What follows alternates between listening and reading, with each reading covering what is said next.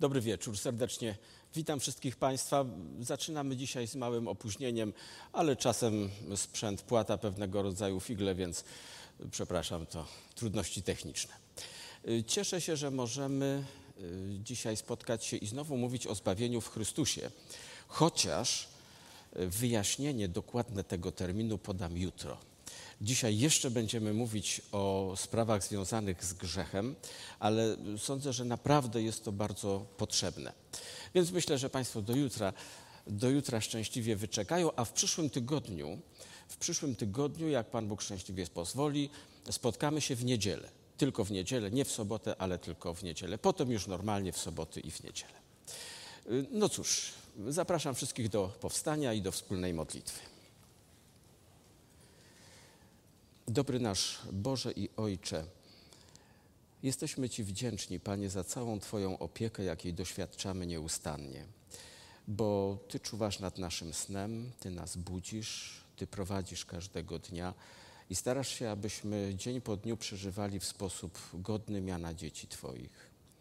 Dziękujemy Ci za to w imieniu Pana Jezusa Chrystusa i prosimy Cię, abyś ten nowo rozpoczęty tydzień zechciał błogosławić tak, aby każdy z nas dobrze czuł Twoją obecność i rozumiał Twoją wolę.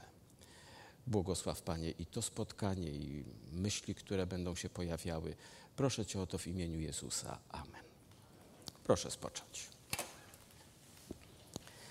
Tak pomyślałem, że skoro poprzednio mówiliśmy trochę na temat e, Australii, to może i, może i tym razem nie od rzeczy będzie pokazać kilka ilustracji a to pierwsza z nich. Mm, czy ktoś może wie, jaki to fragment kontynentu australijskiego? To jest e, fragment tego wielkiego pasma e, wielkich gór wododziałowych, zwany górami błękitnymi. To jest mniej więcej na, o jakieś 100 kilometrów na zachód od Sydney. Dlaczego błękitne? Ponieważ zbocza porośnięte są eukaliptusami, które wydzielają mnóstwo olejków eterycznych. I te olejki dają taką mm, mgiełkę, taką poświatę błękitną i wydaje się, że całe góry toną w błękicie. To jest przepiękny obraz, ale chyba nie to jest bardziej zachwycające, tylko inna rzecz. Otóż my jesteśmy przyzwyczajeni, że jak jedziemy w góry, no to tam wsiadamy do pociągu, prawda, czy do jakiegoś innego środka lokomocji, dojeżdżamy na miejsce, prawda, zakopane i patrzymy w góry. Ale tu jest inaczej. Tu jak się przyjeżdża w góry błękitne, to patrzy się na dół. No naprawdę. No proszę spojrzeć, góry są w dole. I na tym poprzednim zdjęciu tak samo normalnie się przyjeżdża po płaskim, prawda? O tak jak tutaj. Mamy platformę widokową i wszystkie góry są w dole. To było naprawdę coś niesamowitego. To, to było szokujące, kiedy mogliśmy zobaczyć tego rodzaju rzeczy. Wszystko jest w dole. Tam się w góry przyjeżdża po płaskim. I góry są poniżej. Nie, nie wysokie, to tam raptem 1100 metrów z kawałkiem jeszcze, ale to, to nie jest najważniejsze. Y, naprawdę urocze widoki. Tutaj fragment pewnego wodospadu, on jest naprawdę wysoki. Y, to nie tak jak tutaj na, na zdjęciu. Coś jeszcze? O, i kolejka, właśnie, u nas kolejką się jedzie do góry, prawda? Żeby, żeby zobaczyć, a tam się kolejką zjeżdża na dół. Więc takie, no, kuriozalne. Y, proszę? Właśnie, ja zapomniałem zupełnie, że przecież w Australii chodzi się do góry nogami, więc tak, tam jest wszystko na opak. Tak, naturalnie, to się zgadza. No i wszędobylskie papugi. Tak, mm, ale to, to tyle, jeśli chodzi o to. Ja pokazuję ten obrazek, dlaczego, ten, ten poprzedni z y, Gór Błękitnych, ponieważ pomyślałem, że to jest ilustracja naszych pojęć na temat zbawienia. Prawda? Przeciętny chrześcijanin uważa, że zbawienie polega na tym, żeby wyjść pod wysoką górę. Pan Bóg mu tam pomaga, tam trochę go popycha, czasem go szturchnie, jak jest opieszały, prawda? Ale jakoś tam się na tę górę z Bożą pomocą dowlecze i w końcu z wywieszonym ozorem mówi, Panie Boże, już nie dam rady więcej. A Bóg go wtedy, prawda, za kark, no dobra, już niech będzie, chodź.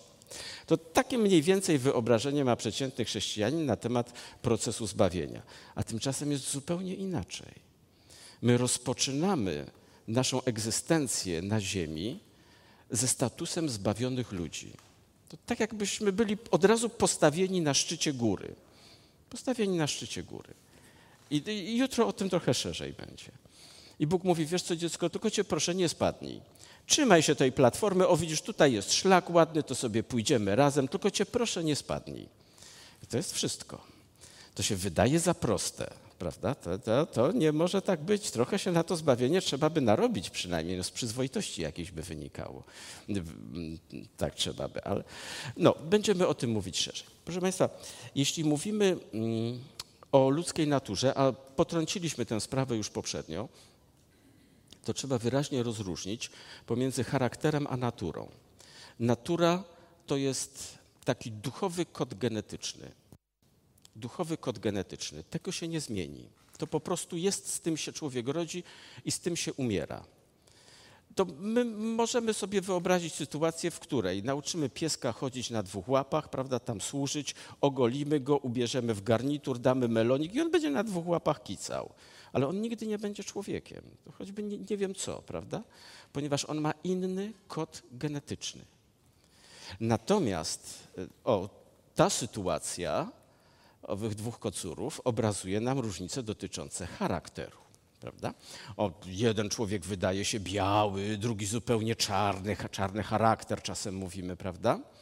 Więc jeden dobry, drugi zły, w porządku. Jeśli chodzi o charaktery, tak, to my możemy się różnić. Tam proszę nie wskazywać palcem, kto czarny. Możemy się różnić, ale naturę wszyscy mamy tę samą. To znaczy jaką? Grzeszną.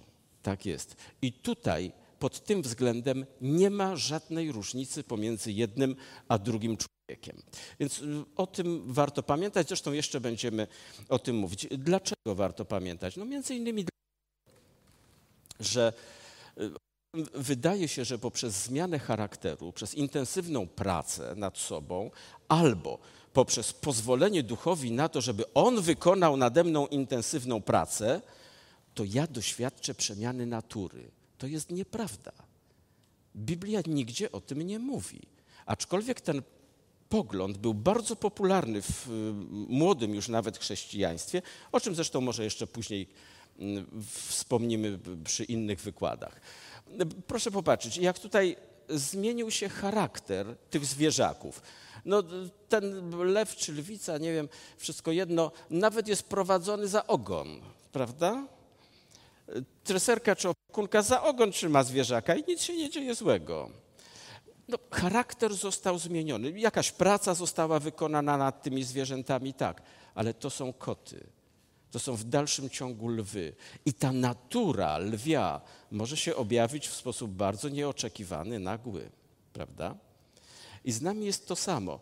Ta praca szlifująca nas to jest praca dotycząca charakteru. To jest to, co robi Duch Święty w zakresie charakteru. Ale natura pozostaje parszywa. I to się zmieni dopiero po przyjściu Chrystusa. Ale mamy gwarancję, że się zmieni, więc niech nikt nie upada na duchu. Proszę Państwa, no, operujemy pojęciem grzech. Dobrze by było y, jakoś przybliżyć to pojęcie i spojrzeć na to, mm, jakich elementów to pojęcie dotyka, z czym jest związane.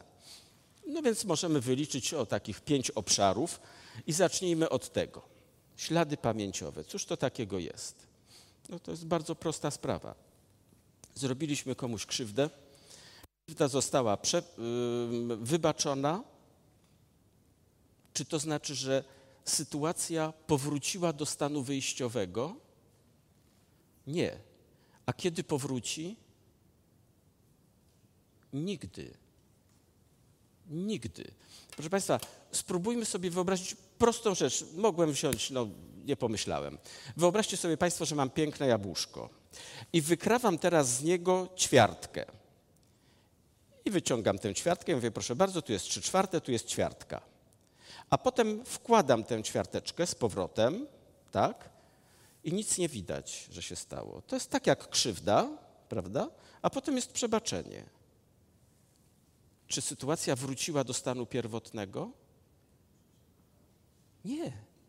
Tego, co zostało przecięte, nic, nic nie zrośnie, a jeśli zrośnie, to powstanie blizna. Ta sytuacja nigdy nie wróci do takiej, jaka była przed zajściem. Prawda? To jest po prostu nie, niemożliwe. Zostają tak zwane ślady pamięciowe. Prawda? No, przeczytajmy sobie od choćby taką wypowiedź. Pierwsza dotyczy, związana jest z Józefem, tym, który został przez braci sprzedany do Egiptu.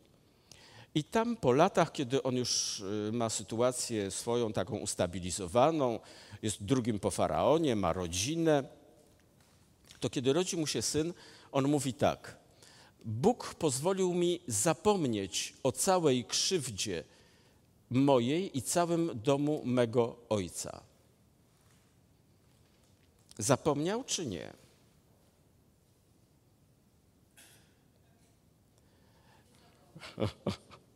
No, pytanie jest podchwytliwe. Zapomniał i nie zapomniał, prawda? Nie zapomniał, bo przecież on mówi o tym, co się stało, więc nie mógł zapomnieć.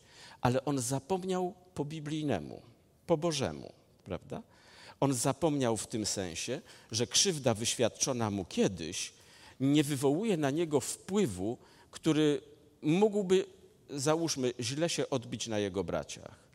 On nie jest wiedziony zemstą. On mówi: Ja to darowałem, jest wszystko w porządku. Ale to, co się stało, to jest. Prawda? To jest. No, to jest przykre, ale z tym musimy, musimy na razie żyć. Y, Paweł wspomniał w liście do Filipian, że był co do żarliwości prześladowcą Kościoła. Czy Bóg mu wybaczył ten niechlubny okres jego działalności? No oczywiście, prawda? To nie było żadnego problemu ale Paweł wciąż o tym pamiętał. I my to doskonale znamy z własnych doświadczeń, ponieważ mamy rzeczy, których się wstydzimy. Prawda? I bardzo chętnie wydarlibyśmy je z pamięci. Nie da się tego zrobić. Jest to jakieś następstwo grzechu. Oczywiście, że tak. Dobrze. Mamy inny obszar, inny obszar związany z grzechem. To są skutki czy konsekwencje. I no, o wielu różnych rzeczach można mówić tutaj, odwołując się do tekstu biblijnego, ale ja wspomnę tylko jedno zdarzenie, mianowicie historię Dawida.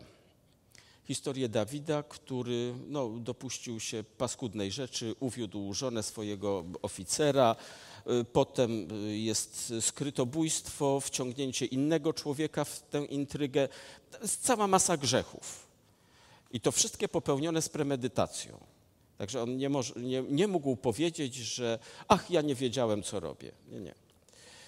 Y, to wszystko zostało przebaczone. I to jeszcze w jakim stylu. Kiedy przyszedł prorok Natan, aby Dawida upomnieć, to Dawid w odpowiedzi na to, co przedstawił mu Natan, rzekł: Zgrzeszyłem przeciw Panu. I na to przychodzi odpowiedź od Boga. Rzekł Natan do Dawida: Pan też przebaczył Twój grzech, nie umrzesz. Pan przebaczył Twój grzech. Ponieważ jednak dałeś powód, by nieprzyjaciele Pana urągali wskutek tej sprawy, więc syn, który Ci się urodził, musi umrzeć. Proszę darować, nie będę dyskutował teraz tej kwestii, czyli co to znaczy sprawiedliwie, niesprawiedliwie, a dlaczego tak na razie ograniczymy się do tego. Jest wyraźnie wskazane następstwo. Jest grzech i są konsekwencje. Ośmielę się mm, powiedzieć coś niebiblijnego, to znaczy nie mam na to dowodu żadnego z Pisma Świętego, ale tak z doświadczenia swojego, z doświadczenia kościelnego, pokusiłbym się o takie stwierdzenie, że zdecydowaną większość skutków naszych grzechów Bóg zaciera nie dopuszcza do tego, żeby się ujawniły. Tylko niektóre konsekwencje naszych win ponosimy na własnej skórze. Tak mi się wydaje. Ale powtarzam, nie mam tutaj żadnych danych statystycznych, nie potrafię tego udowodnić, ale tak odwołując się do tego, kim jest Bóg, to wydaje mi się, że to właśnie tak się przedstawia. Cóż jeszcze, jakie inne pojęcia wiążą się z grzechem? Ano coś takiego jak stan grzechu, czyli innymi słowy grzech przeciwko Duchowi Świętemu. Prawda? Znamy to pojęcie dobrze. Pan Jezus, y, Pan Jezus mówi o tym, ale to może przy okazji jeszcze do tego nawiążemy. Grzech przeciwko Duchowi Świętemu. Też pewien obszar, prawda? Obszar zjawisk związany z pojęciem grzech. I coś, co mm, na ogół przywołujemy, na ogół, gdy mówimy o grzechu. Czyli grzech jako sprawa dotycząca pewnych aktów, pewnych działań, zachowań. No i tutaj mamy y, piękne trzy wypowiedzi, mianowicie ta pierwsza, która mówi, że grzech jest przestępstwem prawa, ta druga, która powiada, że jeśli ktoś może dobrze czynić, a nie czyni, to też dopuszcza się grzechu, a więc nie tylko aktywne czynienie zła, ale zaniechanie czynienia dobra też jest grzechem, prawda? No i do tego jeszcze możemy dorzucić jedną kwestię, mianowicie tę, że cokolwiek nie wypływa z przekonania jest grzechem. Czyli działanie w sytuacji wątpliwej moralnie, wątpliwej moralnie też jest grzechem. Ale to, to jest materiał na kolejne rozważanie. Dobrze. Jeśli chodzi o ten zbiór aktów, a więc naszych działań, które podpadają pod pojęcie grzech, to one wszystkie od, podlegają odpuszczeniu. Prawda? To co do tego chyba nie mamy wątpliwości. Chrystus za to zapłacił na krzyżu. Rachunek jest uregulowany. Kto chce, może z tego skorzystać. Ale została nam jeszcze jedna sprawa, mianowicie kwestia natury. Kwestia natury. I tu przywołam tylko y, dwie wypowiedzi.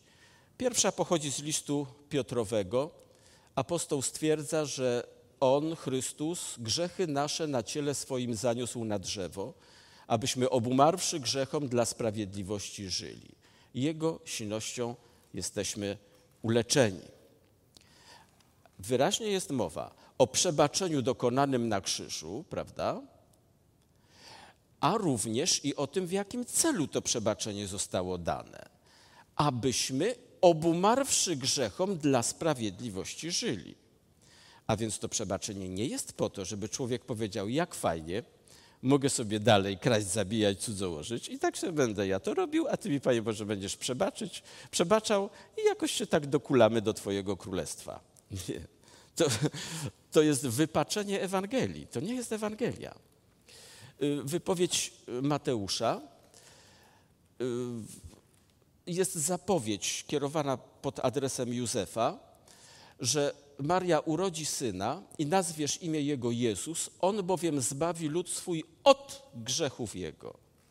Nie w grzechach, zbawi od grzechów, a więc przebaczy, a zarazem udzieli siły, żeby człowiek nie musiał z powrotem w to bagno leść. Prawda? Zbawienie jest od grzechów, a nie w grzechach. No i y, właśnie kwestia natury jeszcze. Kwestia natury. No to przywołajmy tutaj takie wypowiedzi. Paweł pisze, że byliśmy z natury dziećmi gniewu, jak i inni. Tu gniew jest synonimem grzechu. Byliśmy z natury dziećmi gniewu, prawda? Z urodzenia, z urodzenia dziećmi gniewu. I druga wypowiedź Piotrowa tym razem Y, apostoł stwierdza, że nie rzeczami zniszczalnymi, srebrem albo złotem zostaliśmy wykupieni z marnego postępowania naszego przez ojców nam przekazanego. I dalej mówi, ale drogą krwią Chrystusa. No pięknie, tylko o czym on tu mówi? O przebaczeniu? Nie. On mówi o wykupieniu z marnego postępowania przez ojców nam przekazanego. O czym on mówi? O genetyce. Jeśli coś przez ojców zostało przekazane, prawda, to on mówi o genetyce. On mówi, że myśmy się urodzili grzesznikami i z tego zostaliśmy również wykupieni. No ale to na razie tylko takie wiadomości ogólne. Y, pytanie, czy to, co związane jest z grzeszną naturą, polega odpuszczeniu, podlega odpuszczeniu? Nie. Mm,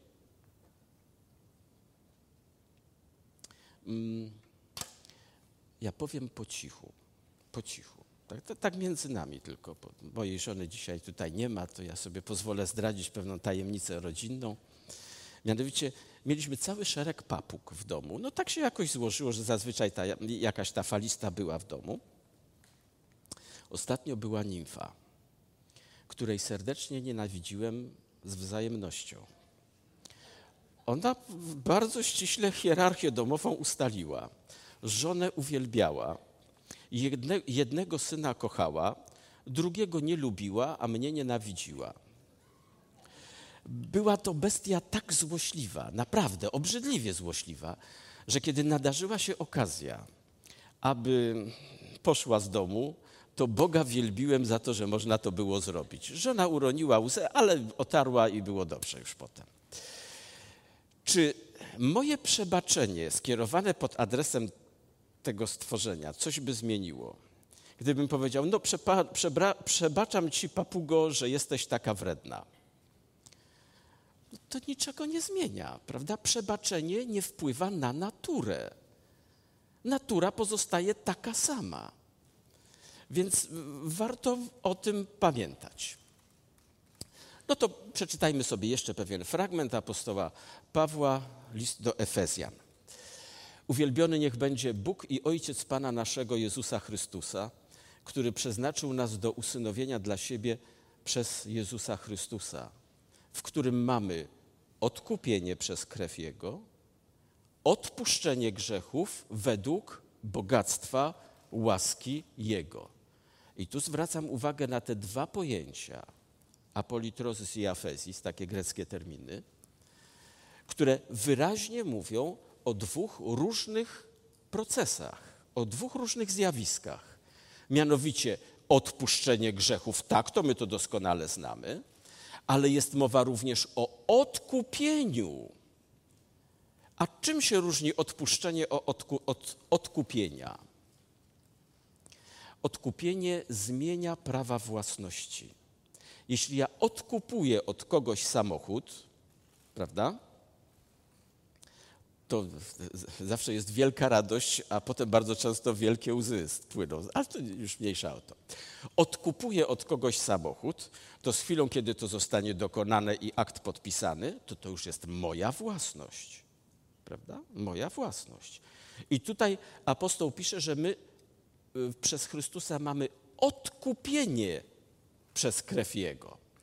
A więc to, co robimy, podlega odpuszczeniu, ale to, kim jesteśmy, to tego nie można odpuścić. To można było tylko odkupić i będziemy szerzej o tym mówić. No dobrze.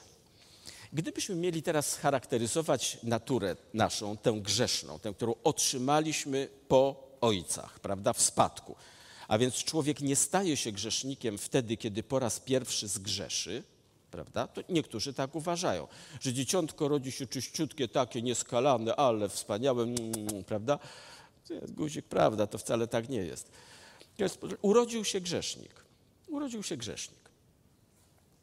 Więc popatrzmy, popatrzmy teraz, on nie musi wcale grzeszyć, żeby być grzesznikiem, prawda? To jest grzesznik z natury.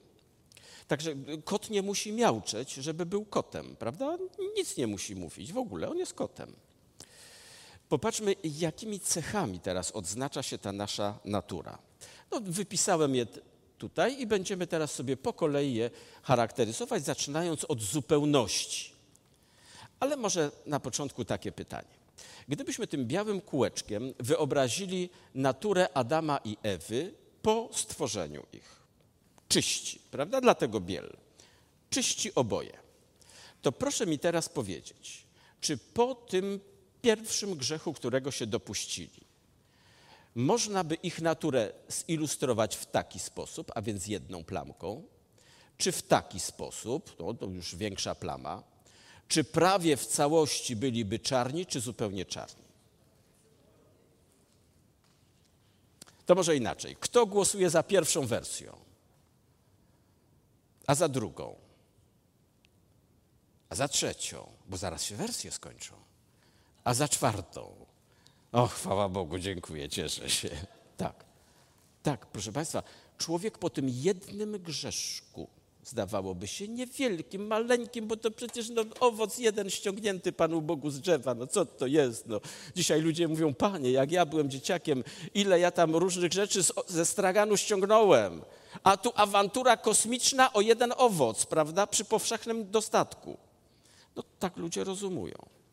Ten jeden grzeszek sprawił, że natura ludzka stała się całkowicie zła i ani jednego białego miejsca tam nie ma. No to przeczytajmy wobec tego, czy rzeczywiście tak jest. Księga Rodzaju. Myśl serca ludzkiego jest zła od jego młodości. Nie trochę dobra, a trochę zła. Jest zła. Inna wypowiedź z księgi Kaznodziei Salomona. Serce synów ludzkich jest pełne zła. O, kolejna. Z wnętrza, wypowiedź Pana Jezusa, prawda? Z wnętrza, z serca ludzkiego pochodzą złe myśli, cudzołóstwa, wszeteczeństwa, morderstwa, kradzieże i tak dalej. I ani jednej dobrej cechy. Nic. Ja wiem, ktoś może mi powiedzieć, ale przecież my potrafimy dobrze czynić. No, naturalnie, że potrafimy.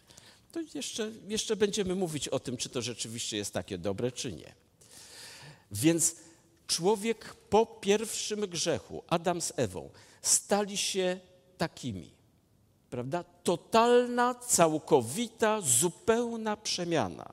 Warto o tym pamiętać. To jeszcze jedna wypowiedź, też Pana Jezusa, który mówi: Jeśli więc wy, będąc złymi, umiecie dobre dary dawać waszym dzieciom, o ileż więcej Ojciec Wasz Niebieski da Ducha Świętego.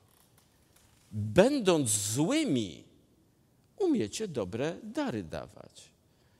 Czy diabeł potrafi obsypać człowieka dobrymi rzeczami? Ach, oczywiście, że tak, prawda? Ileż to sławy, dobrobytu potrafi przysporzyć swoim wybranym, prawda? A więc to nie znaczy, że zło generuje tylko złe zachowania. Nie, nie. Generuje te, które uważa za słuszne ze swojego interesu, dla swojego interesu. Ale to nie zmienia faktu, że nawet ten, który czyni dobrze, jest zły z natury. Prawda? Zły z natury. Pan Jezus mówi: Wy, będąc złymi, umiecie dobre dary dawać. Druga cecha która wynika z tego, co stało się wtedy w raju, to jest nieodwracalność. A więc ta przemiana białego w czarne przeszła w jedną stronę. Ja wiem, że teraz chemicy się oburzą i powiedzą, nie ma reakcji nieodwracalnych. To jest tylko pewien skrót myślowy. Właściwie każda reakcja jest do odwrócenia, no tylko trzeba pewnego czasu, plus może katalizatorów trochę. Ale my mówimy o zjawiskach duchowych. Tam jest inny rodzaj chemii, prawda? Mówimy o zjawiskach duchowych. I to, co się stało, ta przemiana białego Adama i białej Ewy w czarnego Adama i czarną Ewę była absolutnie nie do odwrócenia. No i mamy znowu wypowiedzi. Murzyn, czy murzyn może odmienić swoją skórę, a pantera swoje pręgi? No w żaden sposób, prawda? Może się tam poddawać różnym zabiegom kosmetycznym, ale nie zrobi tego. Co się narodziło z ciała, bowiem ciałem jest, a co z ducha, duchem jest. A myśmy się narodzili z ciała czy z ducha? Właśnie, najpierw z ciała, prawda? Najpierw z ciała, a dopiero potem z ducha, jeśli, co daj Boże każdemu. I jeszcze wypowiedź siostry White. Pierwszy Adam był stworzony jako czysta, bezgrzeszna istota, bez skazy grzechu. Był uczyniony na obraz Boga. Z powodu grzechu jego potomkowie rodzili się z wrodzonymi skłonnościami do nieposłuszeństwa. Nie potrzebujemy daleko szukać. Wystarczy spojrzeć czy sięgnąć w głąb własnego umysłu. Każdego gdzieś tam ciągnie, jednego tu, drugiego tam, prawda? Po małych dzieciach widać tak samo.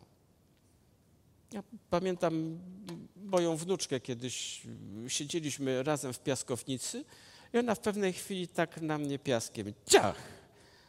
A ja jej mówię, nie rób tak, bo to nie można, oczy się zapruszą i będzie bolało. I widzę, ona już sięga po następną garstkę i ja mówię, Maja, nie wolno. No to wstrzymała się, ale widzę, że ta rączka aż ją kusi. I pytam, co Maja, kusi cię, żeby rzucić tak? A ona mówi, tak. No kusi, no bo to jest biedny grzesznik, który się takim urodził, prawda? Dobrze. Następna cecha tej naszej natury, nieszczęsnej to zniewolenie. Szalenie istotna sprawa. Szalenie. Ale zaraz postaram się to wyjaśnić.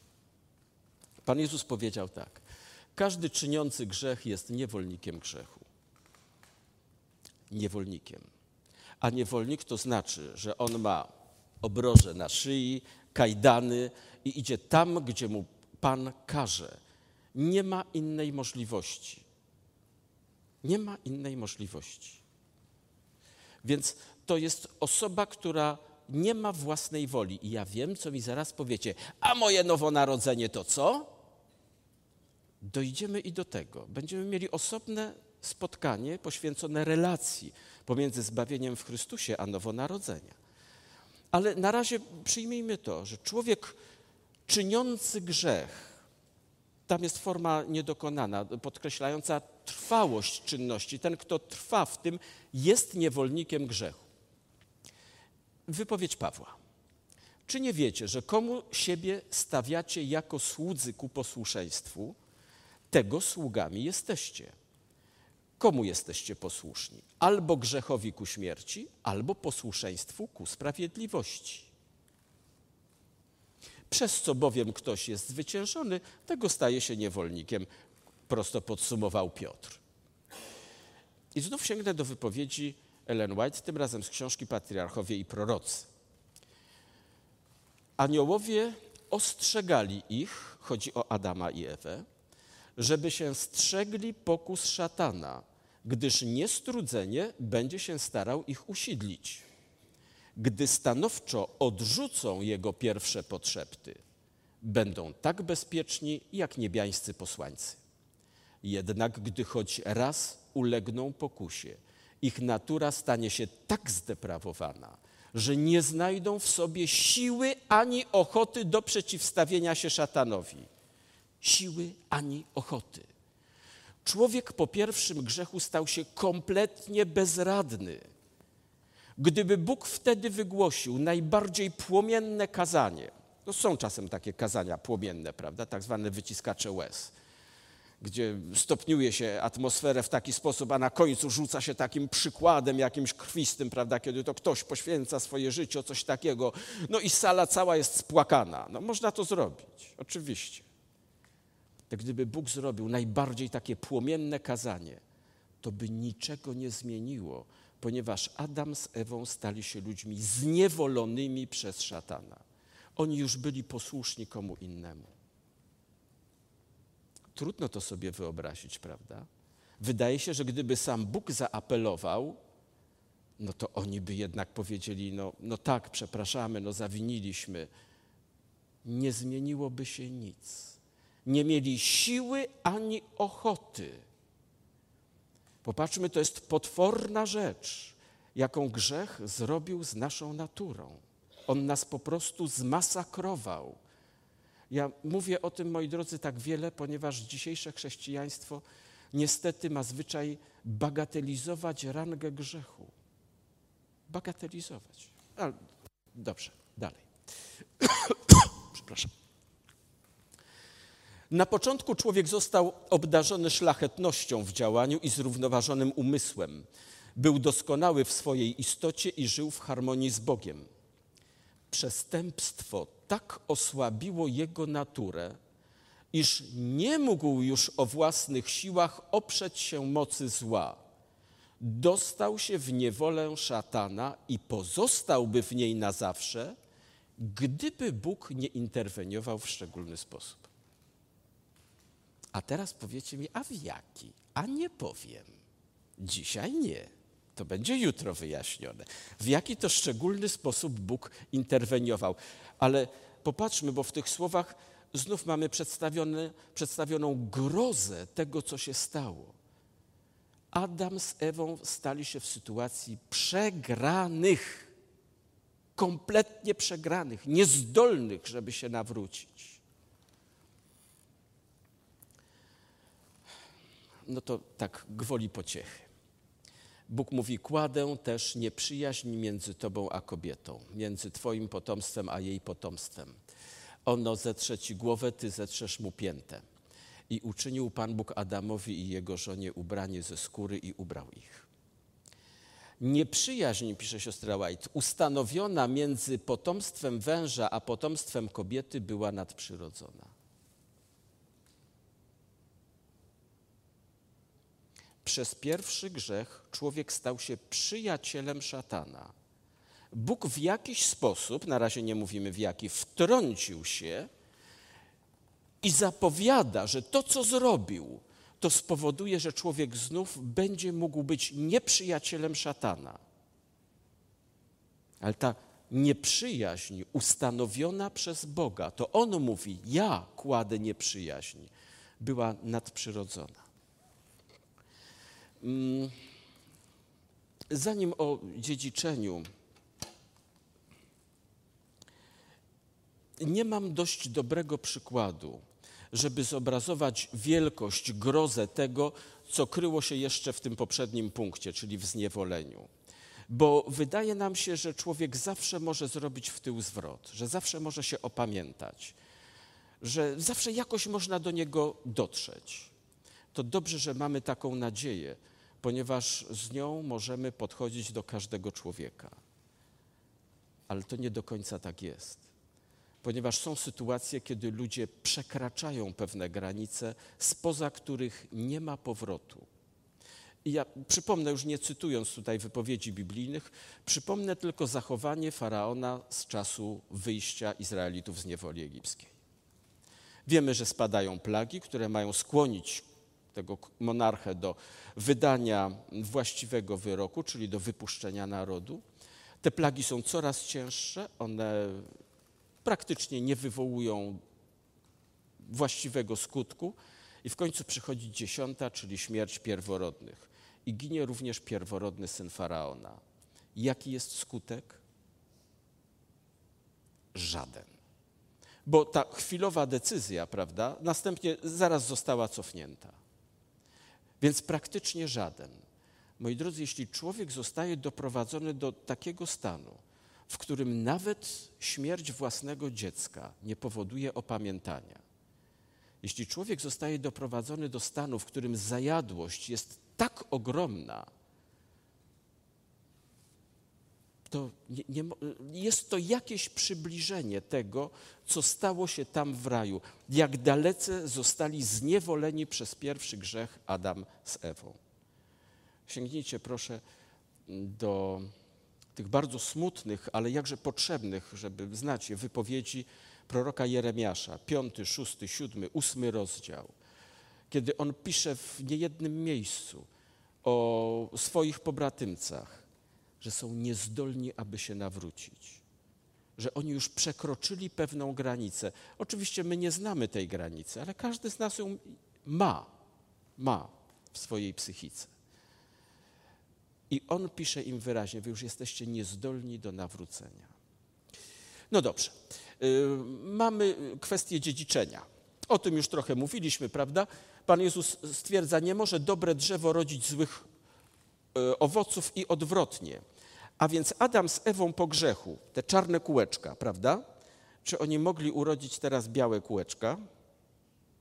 No absolutnie niemożliwe, prawda? Niemożliwe.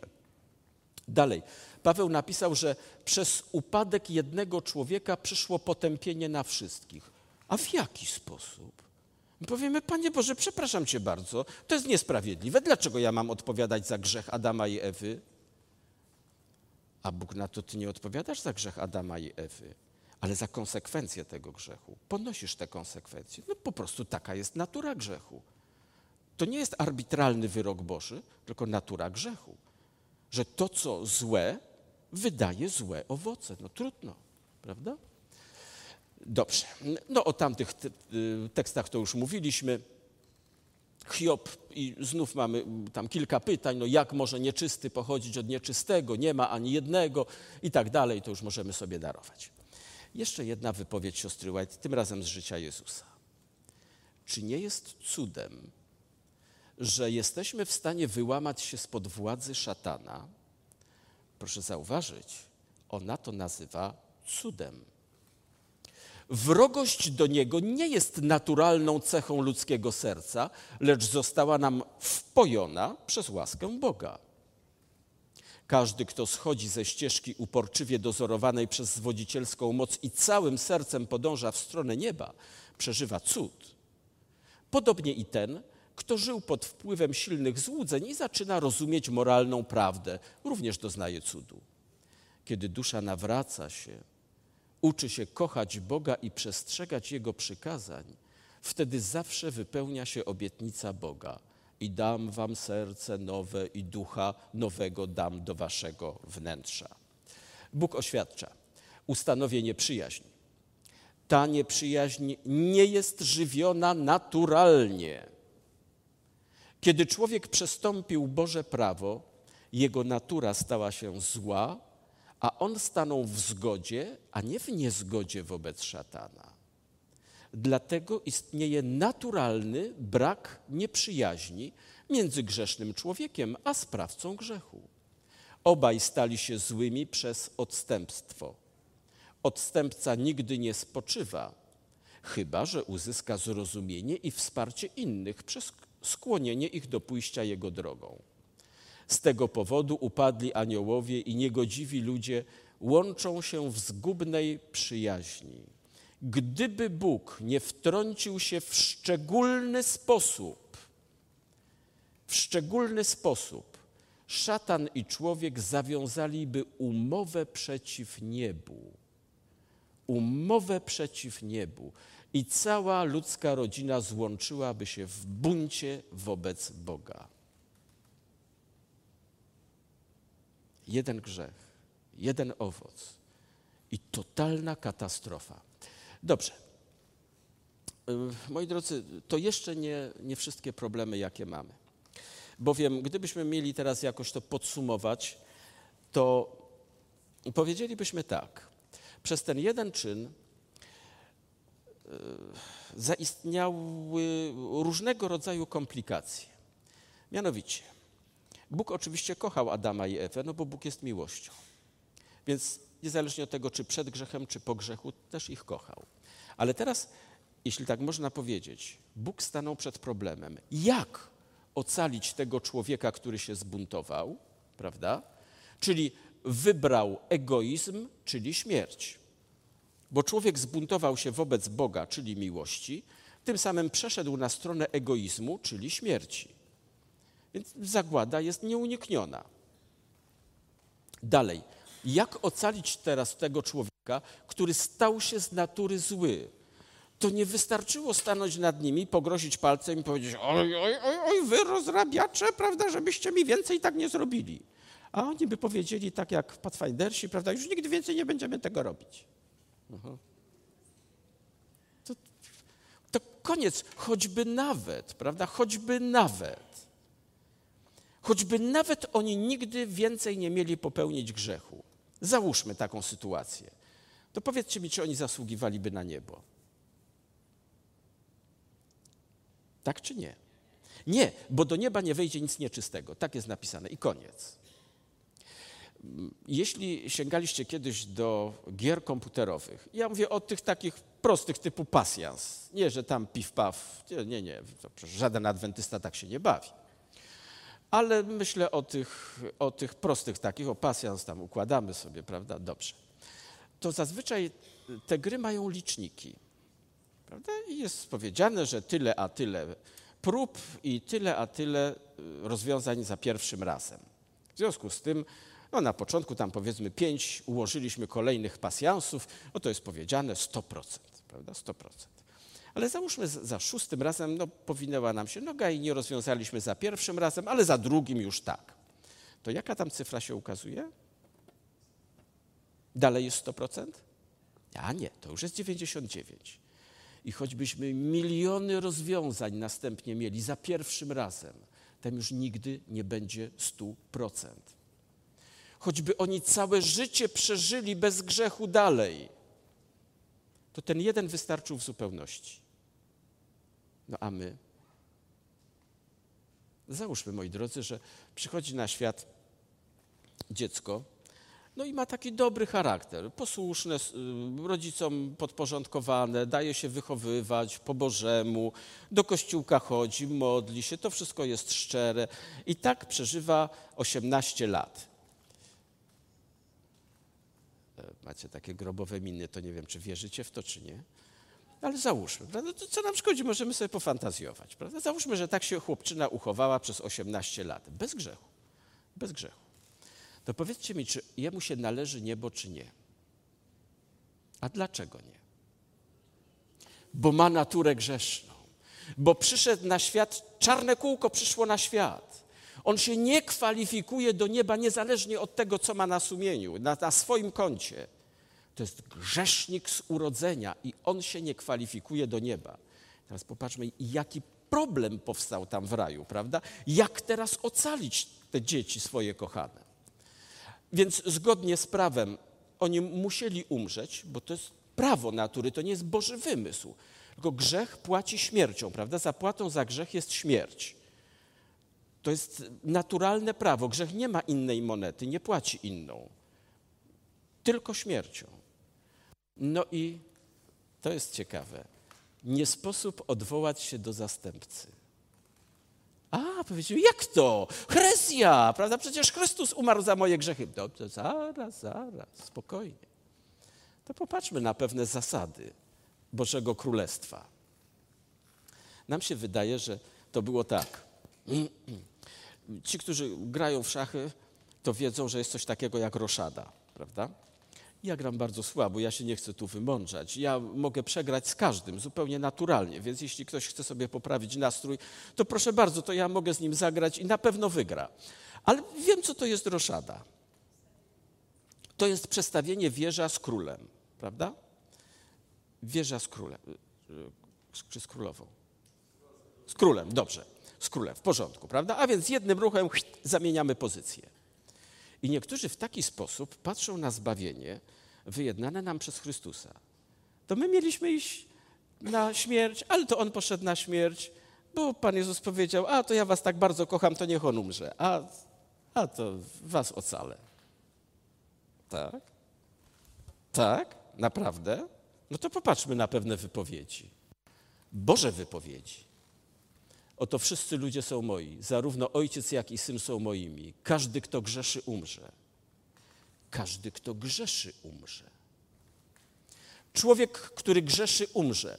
Syn nie poniesie kary za winę ojca, ani ojciec nie poniesie kary za winę syna. Sprawiedliwość będzie zaliczona sprawiedliwemu, a bezbożność spadnie na bezbożnego. Wiecie co? Gdyby Bóg zrobił roszadę, i powiedział, nie, nie, bo ja was tak bardzo kocham, prawda, to wychodźcie tu do mnie, dzieci kochane, a Jezus na to na krzyż, proszę bardzo.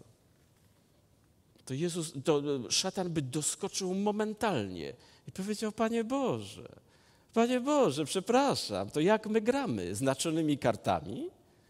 No przecież to jest sprzeczne z Twoim prawem. To Ty powiedziałeś, że sprawiedliwość będzie zaliczona sprawiedliwemu, a ten, który grzeszy, umrze. To nie ma prawa tak być. Ale się narobiło, nie? No to teraz mamy pasztet, co z tym wszystkim zrobić? Zwłaszcza, że czytamy, iż to jest pewne, że Bóg nie popełnia bezprawia i najwyższy nie łamie prawa. Dalej, że wszechmocny jest niedostępny, potężny siłą, bogaty w sprawiedliwość, ale nie podepcze prawa, bo Bóg jest sprawiedliwy na wszystkich drogach swoich. No i co, co z tym teraz zrobimy? No to chciałbym zwrócić uwagę tak na koniec na taką wypowiedź, że zapłatą za grzech jest śmierć, zaś darem łaski Boga życie wieczne w Chrystusie Jezusie Panu naszym. Życie wieczne w Chrystusie Jezusie. Ten termin na ogół traktujemy jako no, takie poetyckie sformułowanie prawda? Czy rzeczywiście ono takim jest? Jutro będziemy o tym mówić. Ale jeśli byście, kochani, znaleźli dzisiaj czas, czy, czy jutro może jeszcze, to proszę zechciejcie przeczytać pierwsze dwa rozdziały listu do Efezjan i listu do Kolosan. Spróbujcie, zastanawiając się, zwracając uwagę szczególnie na te miejsca, w których występuje właśnie ten termin w Chrystusie Jezusie dwa pierwsze rozdziały listu do Efezjan i listu do Kolosan. Y, no cóż, jeszcze jeden fragment z listu do Efezjan. Byliście umarłymi w upadkach i w grzechach waszych, lecz Bóg, który jest bogaty w miłosierdzie, z powodu wielkiej swojej miłości, którą nas umiłował i nas, będących umarłymi w grzechach, ożywił wespół z Chrystusem. Łaską zbawieni jesteście. Ale powiemy, Panie Boże, no ale jak? Przecież przed chwilą czytaliśmy, że to się nie da zrobić. Bóg jest specjalistą od robienia rzeczy, których się nie da zrobić. To na razie, na razie tylko tyle. Natomiast chciałbym na zakończenie, moi drodzy, jeszcze sięgnąć pamięcią do mm, wydarzenia sprzed wielu, wielu lat. Wielu, wielu lat, kiedy miałem przyjemność mieć pewną serię wykładów w Rzeszowie. I dużo mówiłem tam o zbawieniu, y, o miłości Bożej, o przykazaniach Bożych. I pamiętam, jak w czasie jednego z wykładów wstał pewien pan i powiedział: Proszę pana, mnie się coś nie zgadza tutaj. No, proszę bardzo, słucham. I on powiedział tak: Ja jestem prawnikiem. Ja jestem prawnikiem. I z mojego punktu widzenia, to, że karę, i to taką karę, karę śmierci, ponosi ktoś niewinny w zamian za kogoś innego, to jest sprzeczne z prawem, to jest niemoralne. Czegoś takiego nie można zrobić. Proszę zauważyć, że czegoś takiego my nie robimy w naszym cywilnym prawodawstwie. Ja już pomijam to, że kara śmierci praktycznie została w Europie wyeliminowana, no prawie wyeliminowana, ale nawet tam, gdzie jeszcze obowiązuje, na przykład w niektórych stanach e, Ameryki Północnej, prawda? To nie ma takiej sytuacji, w której ktoś skazany na karę śmierci czeka w celi, a przychodzi jego rodzina i mówi: Przecież to chodzi o to tylko, żeby ktoś umarł to myśmy tutaj jednego z naszych, to jest jego kuzyn, wydelegowali i on poniesie śmierć, a jego wypuśćcie. Nie ma czegoś takiego. I ten prawnik tak postawił kwestię, zupełnie spokojnie. To nie był jakiś napastliwy człowiek, nie.